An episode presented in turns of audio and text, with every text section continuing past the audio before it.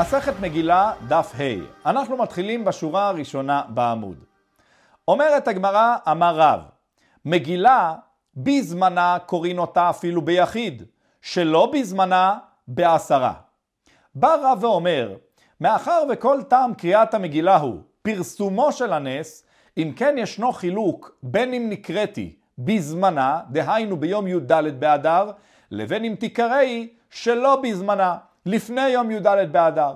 כפי שלמדנו בדברי המשנה, שבני הכפרים מקדימים וקוראים את המגילה ביום הכניסה, בימים שני או חמישי המוקדם מביניהם. זה כאשר חל יום י"ד באדר, שלא באותם הימים.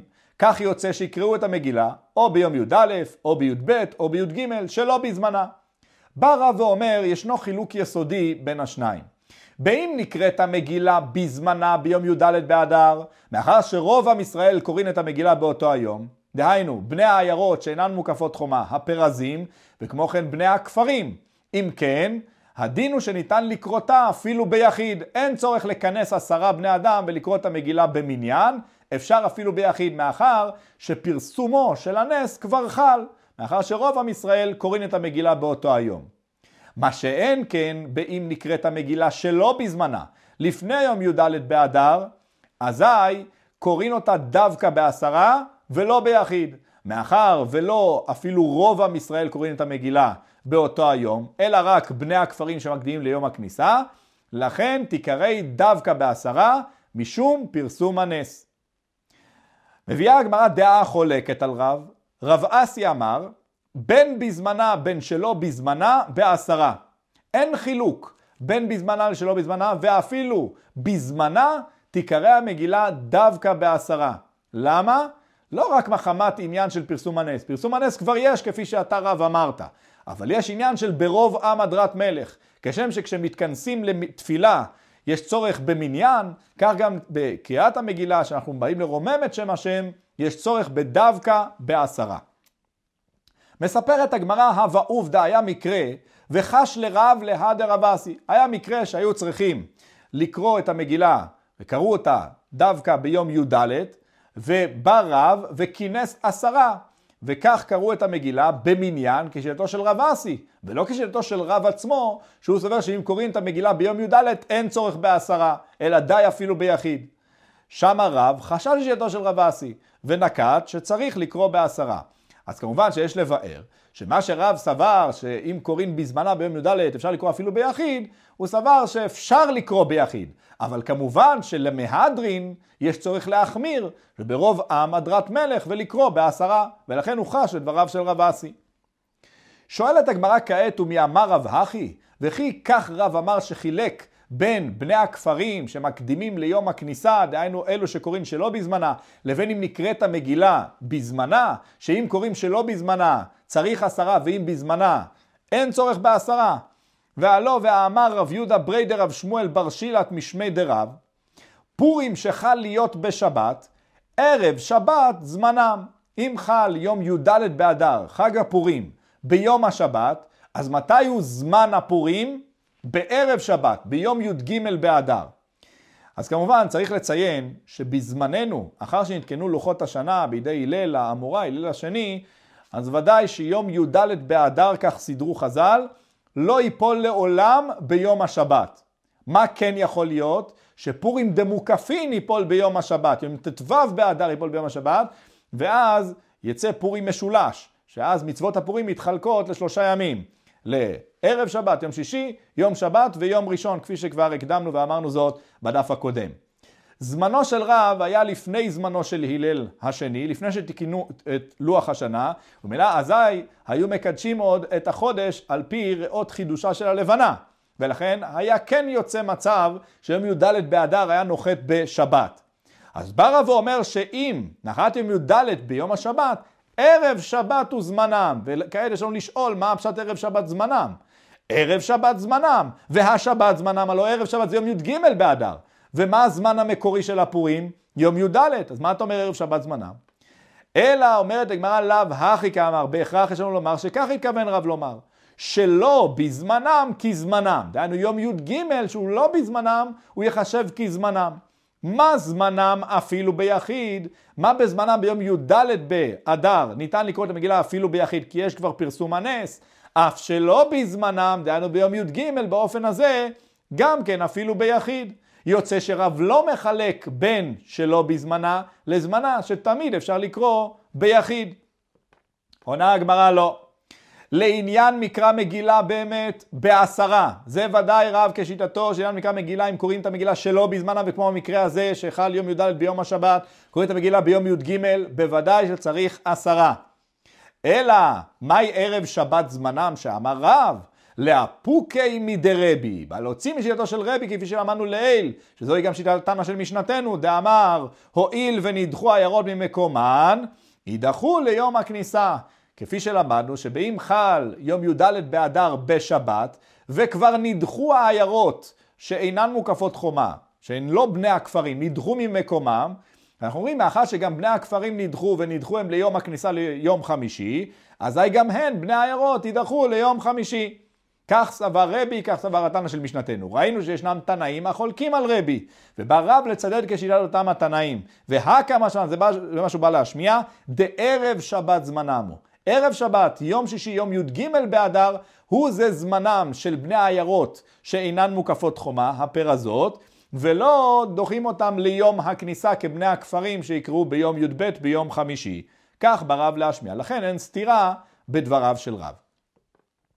אומרת המשנה, איזו היא עיר גדולה? מהי עיר גדולה?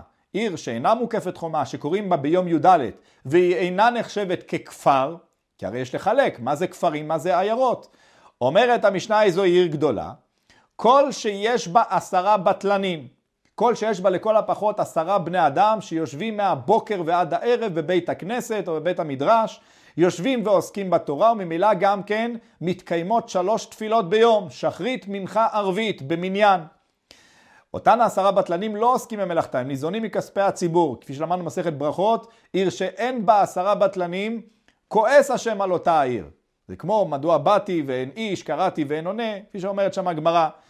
אז עיר שאין בה עשרה בטלנים היא לא נחשבת כעיר, וזה מה שאומרת המשנה, פחות מכאן, הרי זה כפר, היא נחשבת ככפר שמקדימין ליום הכניסה. אז נכון, למדנו לעיל שמהי הסיבה שמקדימין ליום הכניסה, בני הכפרים, זה מחמת שהם מספקים מים ומזון לאחיהם שבכרכים, אבל בכל אופן לא זה עיקר הטעם, אלא עיקר הטעם שרצו הם שלא יטרחו. בני הכפרים בסופו של דבר, כמו בני אותן העיירות, אם לא מתקיימים אצלם אותם המניינים, אז הם צריכים לבוא ולהתכנס במקום שיש בו מניינים. איפה יתכנסו? יתכנסו בימי הכניסה, מתי שמגיעים לעיירות הגדולות. באלו אמרו, מקדימין ולא מאחרין. דהיינו, דווקא לעניין הפורים, קריאת המגילה, אמרנו שמקדימין לפני יום י"ד באדר, אם זה לי"א, י"ב או י"ג, אבל לא מאחרין, לא מאחרים את הקריאה לט"ו, ט"ז וכן הלאה. למה? כפי שאמרנו, נאמר במגילה, ולא יעבור, לא ניתן לעבור את אותן הימים. אבל זמן עצי הכהנים, בזמן עזרא ונחמיה, היו עם ישראל עניים, בנו את בית המקדש, היה חסר עצים למערכה. אזי באו כמה משפחות עשירות מעם ישראל, והתנדבו לתת מעצמם עצים למערכה. ולכן, כפי שנאמר בספר נחמיה, שמחמת החסד שהם עשו ומה שהם התנדבו לבית המקדש להביא את העצים לצורך המערכה, יזכו הם להביא בכל שנה ושנה באותו התאריך בו הם התנדבו את העצים, לספק עצים מעצמם ולהביא קורבן עצים באותם התאריכים. ישנם תשעה תאריכים כאלו שנקבעו, ולמעשה זמן עצי הכהנים, אותו הזמן, אם הוא נוחת ביום שלא ניתן להביא, אזי, כפי שמיד נראה, מאחרים. וכמו כן, ותשעה באב, יום תשעה באב שיוצא ביום השבת, וכן חגיגה, דהיינו הבאת קורבן חגיגה, אם יוצא ביום השבת, זה לא דוחה את השבת. והקהל, מצוות הקהל שנתונה למלך בישראל, שצריך להקיל את כל עם ישראל ביום טוב הראשון של חג הסוכות שבא אחר שנת השמיטה, הוא מקיל את עם ישראל וקורא להם בתורה, כל אלו מאחרין ולא מקדימין. מאחרין מאותו יום, אם יצא לדוגמה ביום השבת, אזי מאחרין ליום הבא לאחר מכן ולא מקדימין. אז למה מאחרין? כי זמן עצי הכהנים, היום הקודם לו זה היום, זה, זה כלול בזמן המשפחה הקודמת, שהם התנדבו את, ה, את אותם העצים. זה עדיין כל אותם ימים משעת ההתנדבות עד לאותה שעה של ההתנדבות של המשפחה הבאה, זה שייך למשפחה הקודמת. לכן לא מקדימים, אלא רק מאחרים. תשעה באב לא מקדימים. למה? כי ההצתה בפועל יראה אומנם, כפי שאמרנו במסכת תענית, לקראת ערב ביום התשיעי, אבל האש בערה ביום העשירי, לפני כן אין שום משמעות לאותה הקדמה. וכמו כן, עניין של קורבן חגיגה, הרי קורבן חגיגה מביאים אותו או ביום טוב או בשאר הימים, אז אם יום טוב חל להיות בשבת, מתי נקריב את קורבן חגיגה? בשאר הימים, אבל בשאר הימים שנכללים בכלל החג, ולא יום לפני כן. יום לפני כן זה לא החג, אין שום עניין. וכמו כן מצוות הקל, כל אותו החג, חג הסוכות, שזה אחר שנת השמיטה, אז זה זמנו, בחג, אבל לפני כן זה לא החג, ולכן מאחרים ולא מקדימים. אומרת הגמרא, אף על פי שאמרו, בעניין המגילה, מקדימין ולא מאחרים, בכל אופן מותרים בהספד ובתענית ומתנות לאביונים. באותם, הימ, באותם הימים שמקדימים, אם זה לא ביום י"ד אלא י"א, י"ב י"ג, שמקדימים את קריאת המגילה, זה לא נחשב כפורים לכל דבר ועניין. אז נכון שבפורים אסורים בהספד ובתענית, כי זה ימי משתה ושמחה ויום טוב, אבל ביום י"א, י"ב, י"ג שמקדימים את קריאת המגילה, למרות שקוראים את המגילה, הם יהיו מותרים במספד ובתענית. וכמו כן, במתנות לאביונים, שבאותו הזמן, כפי שעוד למדנו לעיל, מקדימים ונותנים את מתנות לאביונים, שעיניהם נשואות על זמן מקרא המגילה, נותנים באותו הזמן. אמר רבי יהודה, אמתי? מקום שנכנסים בשני ובחמישי. מתי בכלל מקדימים? מתי שיש זמן התכנסות כזה לבני הכפרים בימי שני וחמישי. אבל מקום שאין נכנסים לא בשני ולא בחמישי, דהיינו שבני הכפרים לא הולכים לעיירות להתכנס שם כלל לבתי הדין שבהם, אין קוראים אותה אלא בזמנה. אזי מתי יקראו אותה? רק ביום י"ד גם בני הכפרים. כך מגביל רבי יהודה את הדין הזה. אומרת גמרא תנא ברייתא, עשרה בטלנים שבבית הכנסת. באיזה עשרה בטלנים מדובר? לא סתם כאלו שנמצאים איפשהו, אלא בבית הכנסת, שמתקיימים שלוש, שלוש תפילות ביום, כפי שביארנו, ולא אה, כאלו אחרים, למרות שאולי עוסקים בחסד, אבל לא מתכנסים בבית הכנסת ומתקיימים מניינים שם, זה לא נקרא עשרה בטלנים. באלו אמרו, מקדימין ולא מאחרין, כך למדנו רק לעניין הפורים. שואלת הגמרא, מה היא טעמה? אמר רבי אבא, אמר שמואל, אמר קרא ולא יעבור, כך נאמר הפסוק, כפי שכבר דרשנו לעיל. מביאה הגמרא מימרה נוספת לשמו, ואמר רבי אבא, אמר שמואל, מניין שאין מונין ימים לשנים. הרי כידוע, ישנה שנת החמה ושנת הלבנה. שנת הלבנה היא בת 354 ימים. בת 12 חודשים, שכל חודש, אנחנו מונים בו חודש מלשון חידוש הלבנה, מונים בו 29 ימים, 12 שעות ו-783 חלקים של השעה מתוך 1,080 חלקים, שזה יוצא בערך 44 דקות של השעה ועוד 1 חלקי 18 של הדקה. כך יוצא שהלבנה אה, משלימה את חידושה ואת סיבובה סביב כדור הארץ במשך הזמן הזה, שזה פחות מ-30 יום וגם יותר מ-29 ימים. בכל אופן, אם ניקח 29 וחצי ימים ונכפיל אותם ב-12, אנחנו נגיע ל-354 ימים, שאלו הם ימי שנת הלבנה. לעומת זאת, שנת החמה היא יותר משנת הלבנה. מהו זמן ההיקף הסופי של החמה מול כדור הארץ ועניין של אה, קיומם של ארבעת העונות, קיץ, חורף, סתיו, אביב? הזמן הוא 365 יום, 11 ימים מעבר לשנת הלבנה.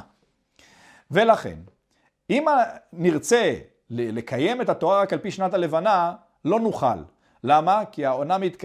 התורה מתקיימת גם על פי שנת החמה, עונות החמה, חודש האביב לדוגמה, צריך שהוא יהיה דווקא באביב. אם אנחנו נמשיך עם חודשי הלבנה, אנחנו נסיים את השנה מוקדם מהצפוי, ועוד שנה הבאה עוד יותר מוקדם ועוד יותר מוקדם, כך יוצא שפסח יחול הרבה לפני uh, תקופת האביב שאמורה לחול ב, uh, על פי uh, תקופת השנה של ימי החמה, ולכן מעברים חז"ל את השנים. מפעם לפעם, יוצא אחת לשנתיים, אחת לשלוש שנים, מעברים בכדי לסדר אותם את הימים. כל פעם יש לנו הקדמה של 11 יום ועוד 11 יום ועוד 11 יום, כל פעם, פעם בשנתיים, בשלוש שנים מוסיפים חודש, 30 יום, וכך יוצא שמעברים את השנה. בכל אופן, בא שמואל ואומר דין. אומר שמואל, אין מונין ימים לשנים. דהיינו, אנחנו לא מונים שנה שלמה שהיא 365 יום. לפעמים יש לנו חודש מעובר, לפעמים לא. בחודש מעובר יוצא שהוא הרבה יותר מ-365 יום, אבל הוא מחפה על החודשים שהם היו פחות מ-365 יום, 354 ימים. בכל אופן אומר שמואל, שלדוגמה, אדם שאומר, כונם יין זה, שלא אשתה אותו, עליי לשנה, אנחנו לא מונים עכשיו שנה תמימה, אם הוא אמר זאת באלף בניסן, באלף בניסן הבא הוא כבר יהיה מותר. שנה תמימה מבחינתנו זה שנה העברית התורנית לפי לוח השנה שלנו. בין אם זה חודש מעובר, שזה למוטב, דהיינו 13 חודשים הוא יצטרך אה, להתנזר מהיין, לבין אם זה לטוב, 12 חודשים, אבל חודשי הלבנה, שיכול להיות שזה יהיה פחות מ-365 יום. אבל ימים אנחנו לא מונים.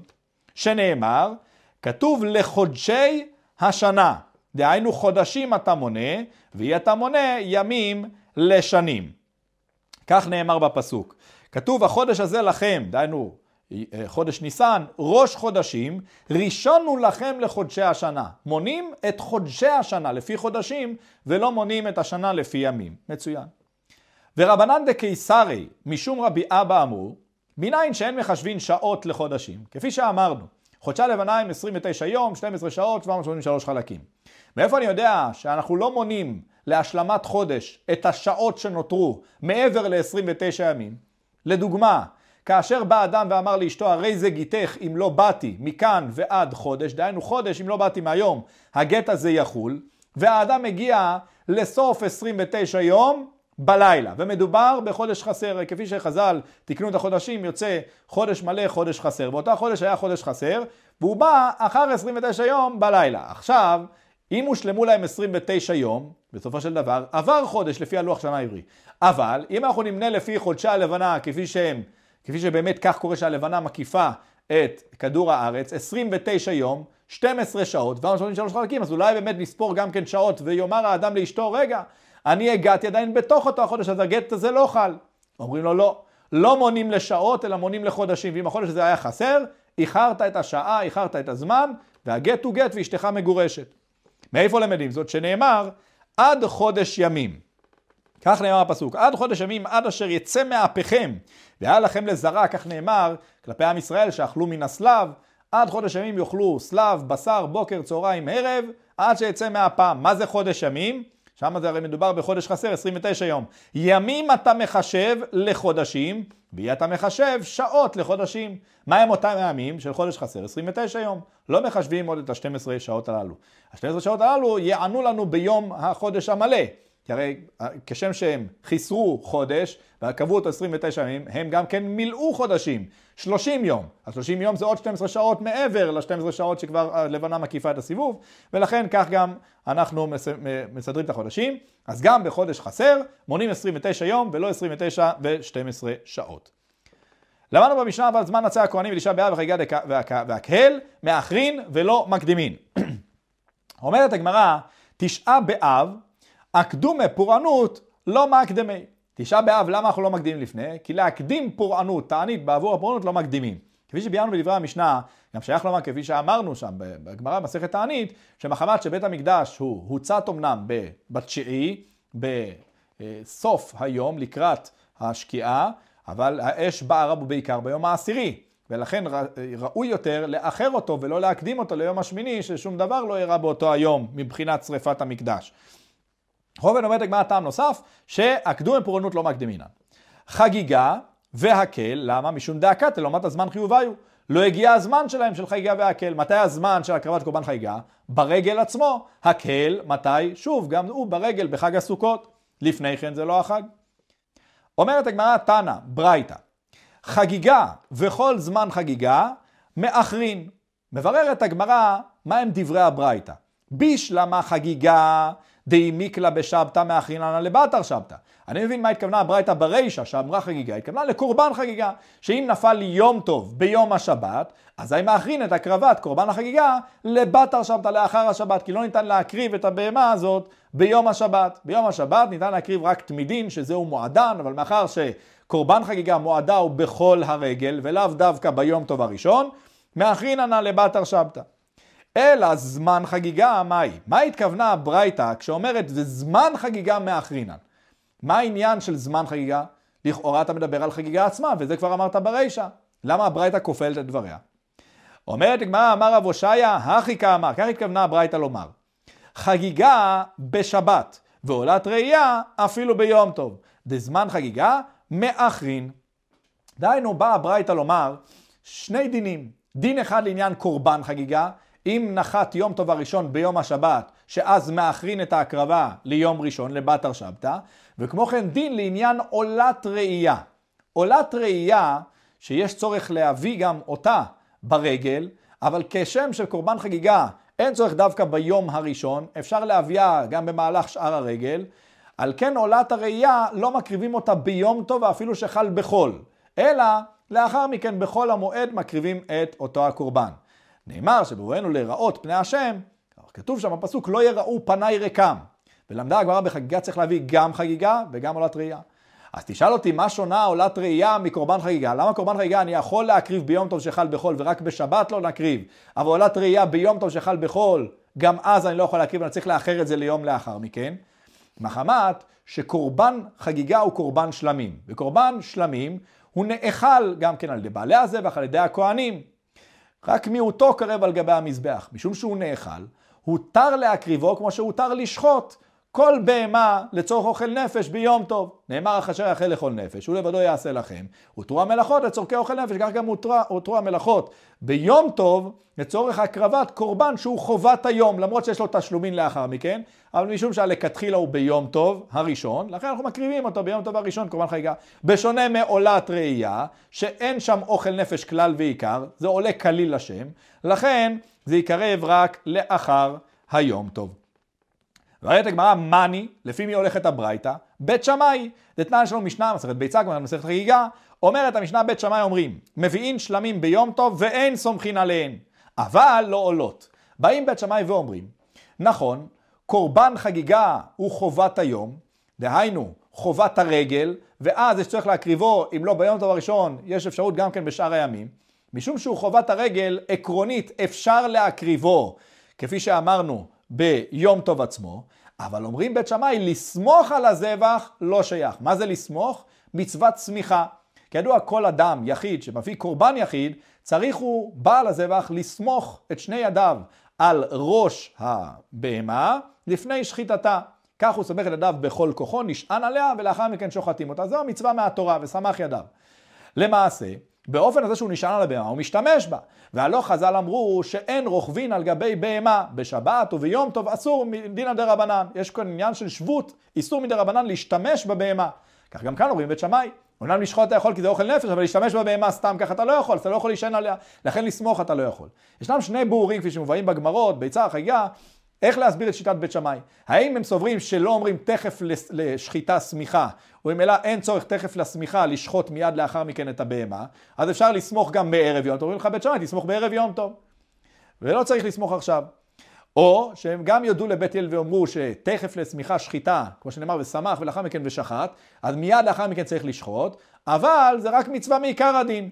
אבל אם נכנה בדיעבד, הבהמה כשרה בשחיטתה כהקרבתה כקורבן.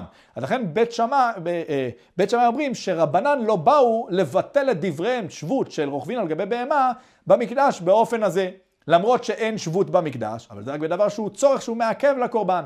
דבר שהוא לא עיכוב לקורבן, לא אומרים שאין שבות במקדש, וממילא הדין הוא שאין סומכין על הבהמה ביום טוב.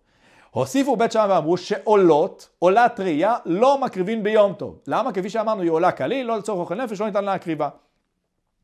באים בית הלל וחולקים עליהם, בית הלל אומרים, מביאים שלמים ועולות וסומכים עליהן, אין שום בעיה, הן שלמים, אין עולות, שלמים, אתה רוצה, תגיד מצד אוכל נפש אפשר להכיר, אבל גם עולות אפשר, ולאו דווקא משום שזה אוכל נפש, אלא בחמת שזה חובת היום, והם לומדים מה שנאמר, ולא יעשה לכם, לכם, לא לכל צורככם, אלא לכם ולא לנוכרים, וממילא הקרבת קורבן כחובת היום, אפשר להקריבו גם כשזה קורבן עולה. בכל אופן, מה אנחנו רואים שם? שהברייתא שהבאנו לפני כן היא כשיטת בית שמאי, שקורבן חגיגה אפשר להקריב ביום טוב.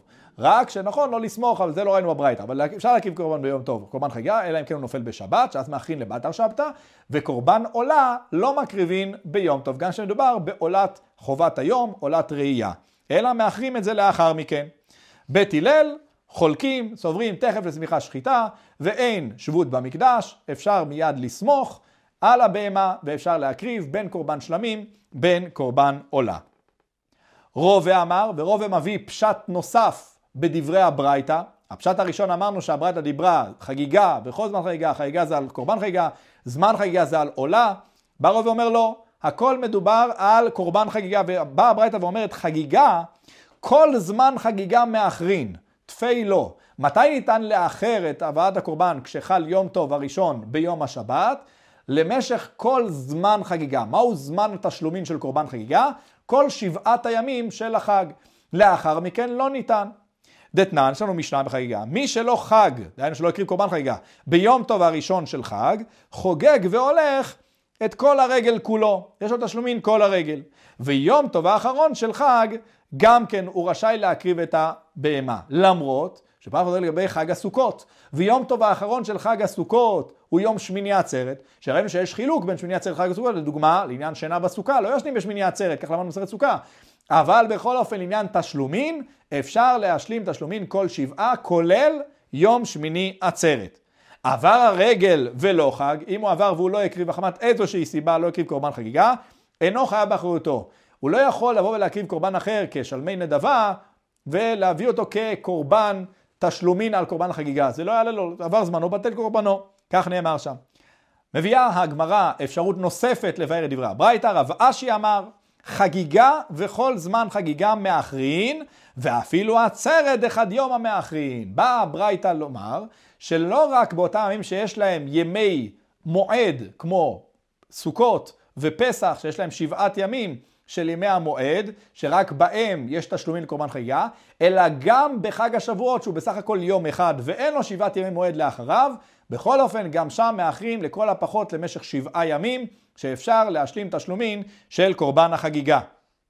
מאיפה אנחנו למדים זאת? דתנן, ופה מביא את אותה המשנה שהבאנו לאל, ביצה החגיגה, שם מובאת מחלוקת בית שמע ובית הלל, לעניין קורבנות, חגיגה ועולות, ובהמשך המשנה שם מובאת מחלוקת נוספת לעניין חג השבועות שחל בערב שבת. מתי מקריבים את הקורבנות? לפי בית שמאי ביום טבוח שיבוא ביום ראשון לאחר השבת. כי לא ביום טוב מקריבים קורבן עולה, לא ביום שבת קורבן, אלא ביום ראשון יום טבוח. ומה שאין כן בית הלל אומרים, לא, אין להם יום טבוח אלא באותו היום, משום שאפשר להקריב עולות ושלמים, בו ביום, ביום טוב אפשר להקריב, ביום שישי אין שום בעיה. והמשך המשנה שם היא שמודים בית הלל לבית שמאי שאם חל עצרת להיות בשבת, אם חג השבועות ביום שבת חל, שיום טבוח אחר השבת. מתי הוא היום טביחה, יום השחיטה, יום ההקרבה של הזבח? אחר השבת, כי ביום השבת לא ניתן להקריב קורבן עולה.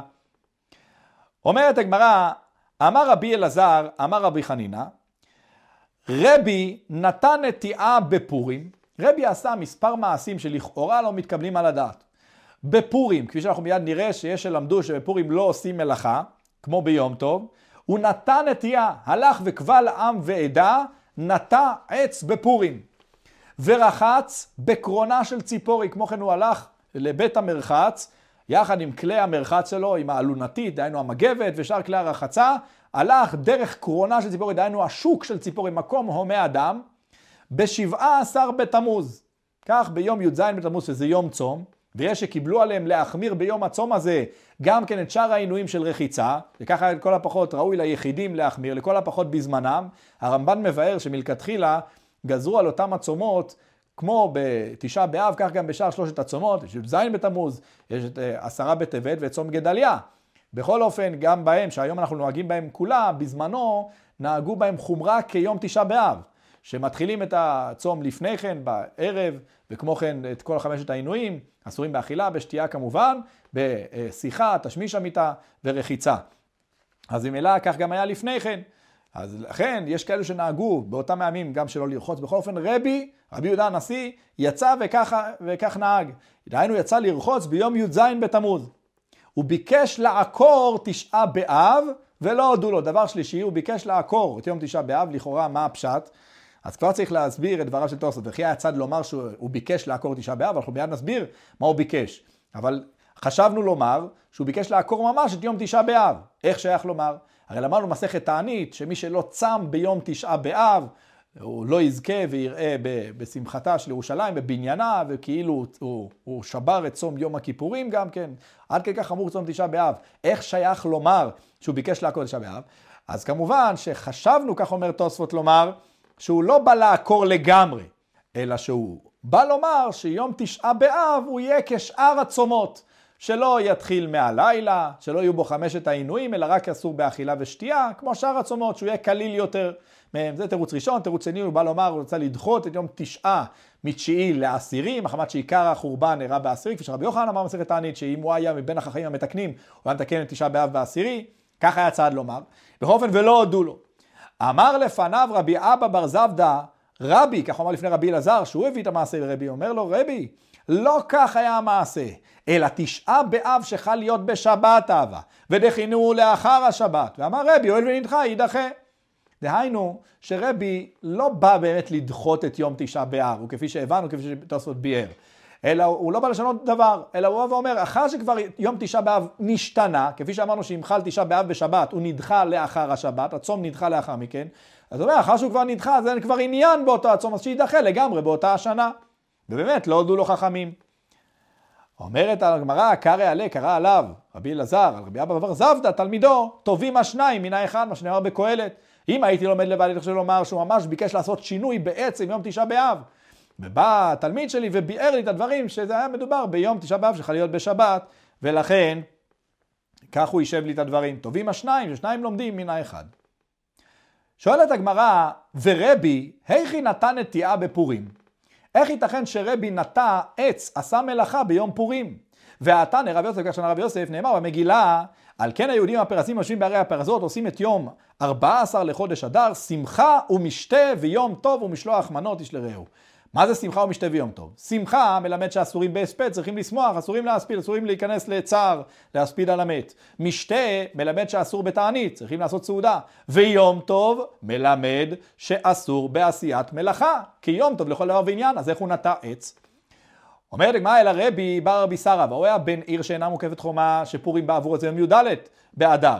וכי נטע בחמיסר נטע, הוא נטע ביום ט"ו באדר, זה פורים דמוקפים, אבל לא פורים שלו, ולכן הוא היה רשאי. שואלת הגמרא, איני, איך שייך לומר זאת? והרבי בטבריה אהבה.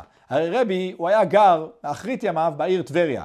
בהתחלה בבית שערים, לאחר מכן הוא עבר לציפורי, לאחר מכן לטבריה, יש אומרים שלטבריה, ולאחר מכן ציפורי. בכל אופן, הוא היה בן העיר טבריה באותו הזמן. וטבריה מוקפת חומה אותו יהושע בן נון אבי. היא עיר שמוקפת חומה ועיר שמוקפת חומה אותו יהושע בן נון, קוראים בה בית ט"ו.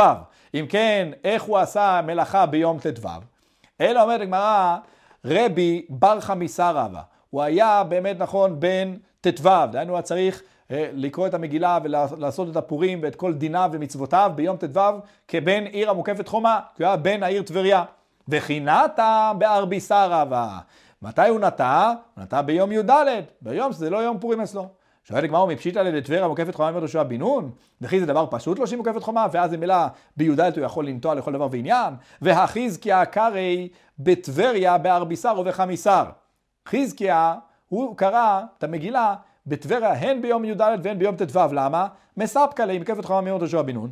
היא, היא לא, הוא לא יודע אם מקפת חומה. אז איך לח... ל... לרבי פשוט? לא אומר לגמר נכון, לחזקיה מספקא לה, לרבי פשיטא לה. לא היה פשוט שהיא מוקפת חומה.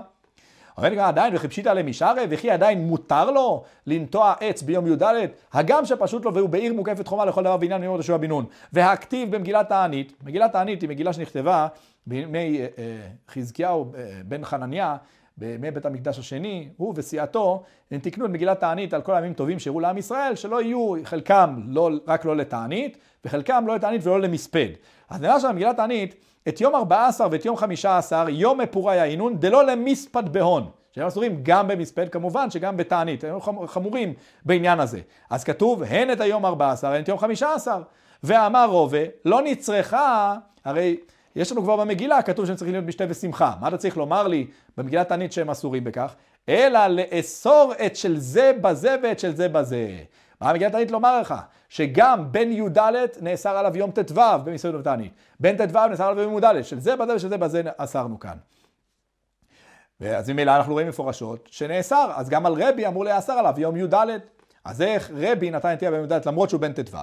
אבל נגמר נמילה בהספד ובתענית, אבל מלאכה יום אחד ותו לא. כל מה שראינו שם זה רק לעניין מספד ותענית, אבל מי אמר לך לדמות לעניין מלאכה? לעניין איסור מלאכה, מי שאסור מלאכה ביום הזה, הוא מותר מלאכה ביום השני, אז הוא נאסר ביום ט"ו, הוא מותר מלאכה ביום ד'. נכון, בהספד ותענית הוא אסור בשניהם, אבל בעניין מלאכה הוא מותר ביום שאינו יומו.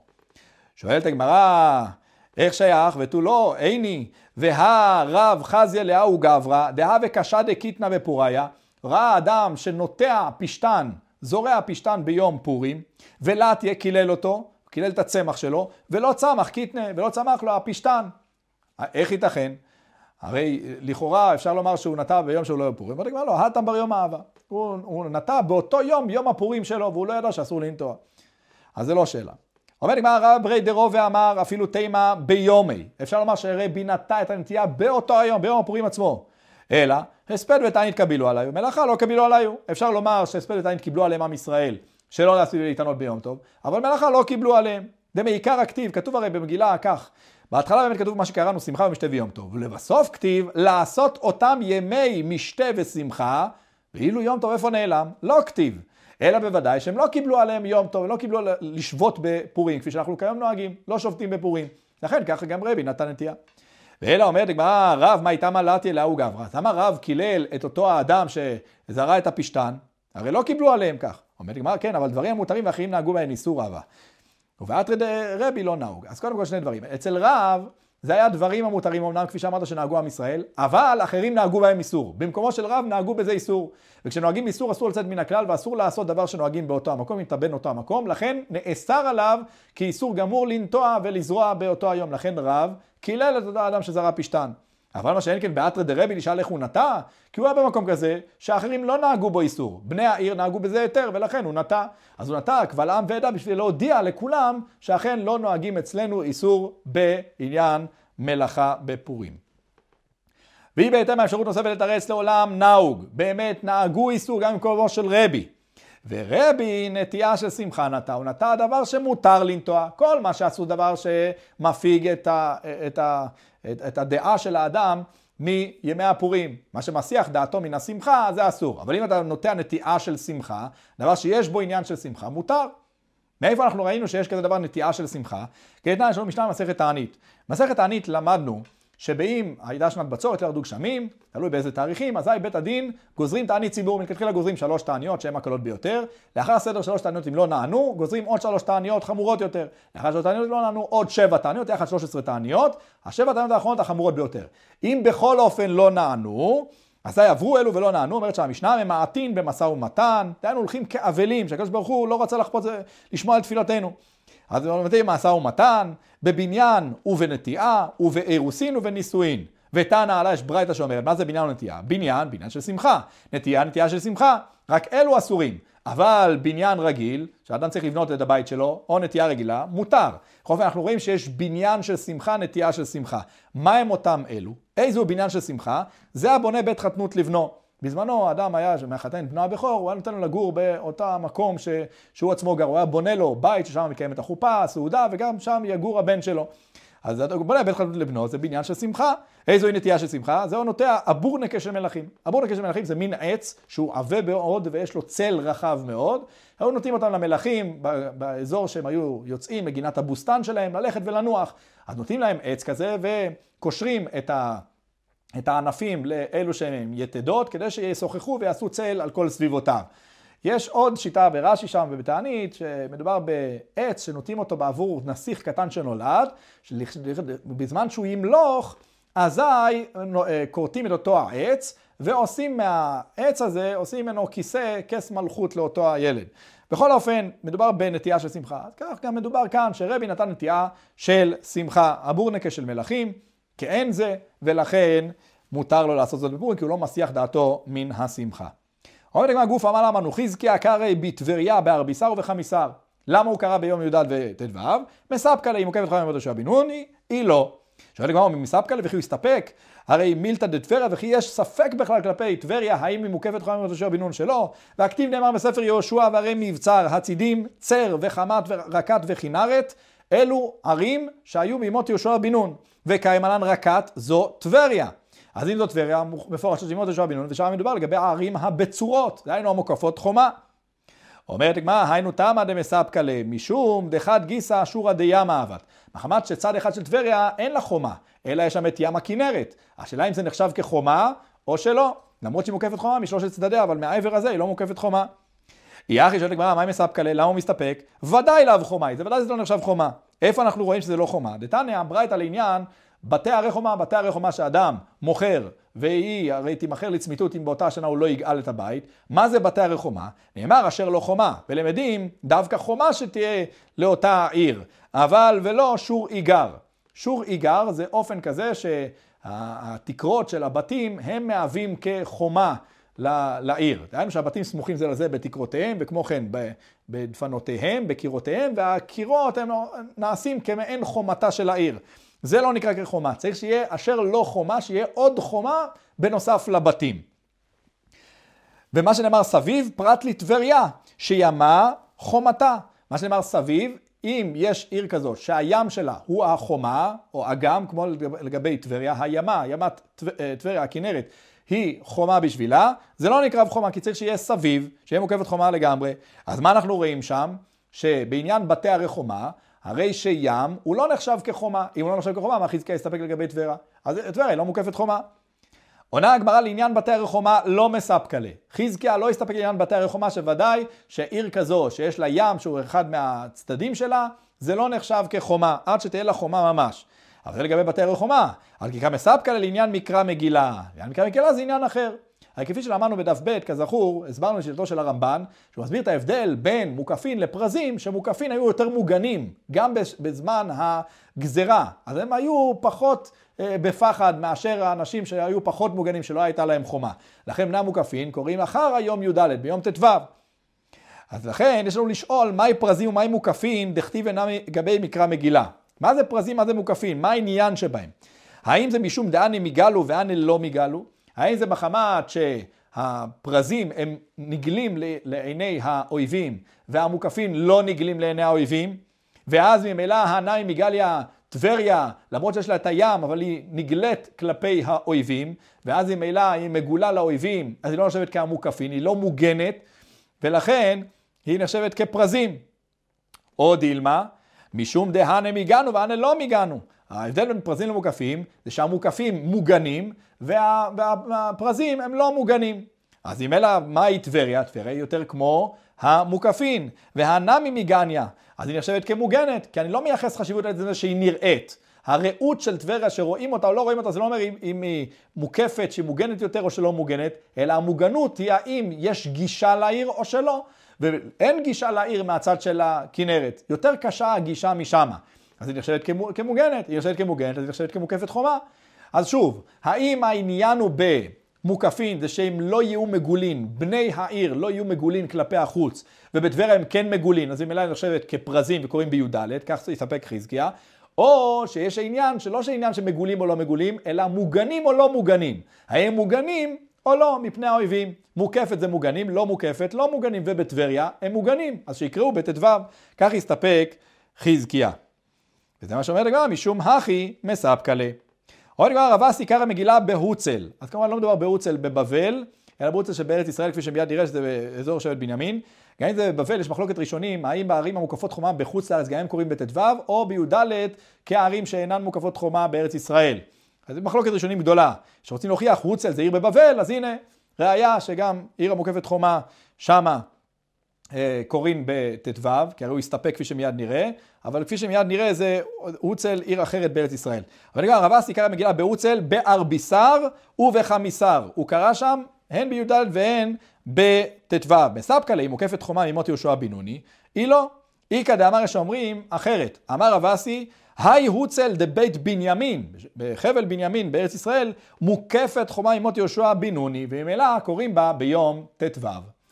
עד כאן מסכת מגילה דף ה'.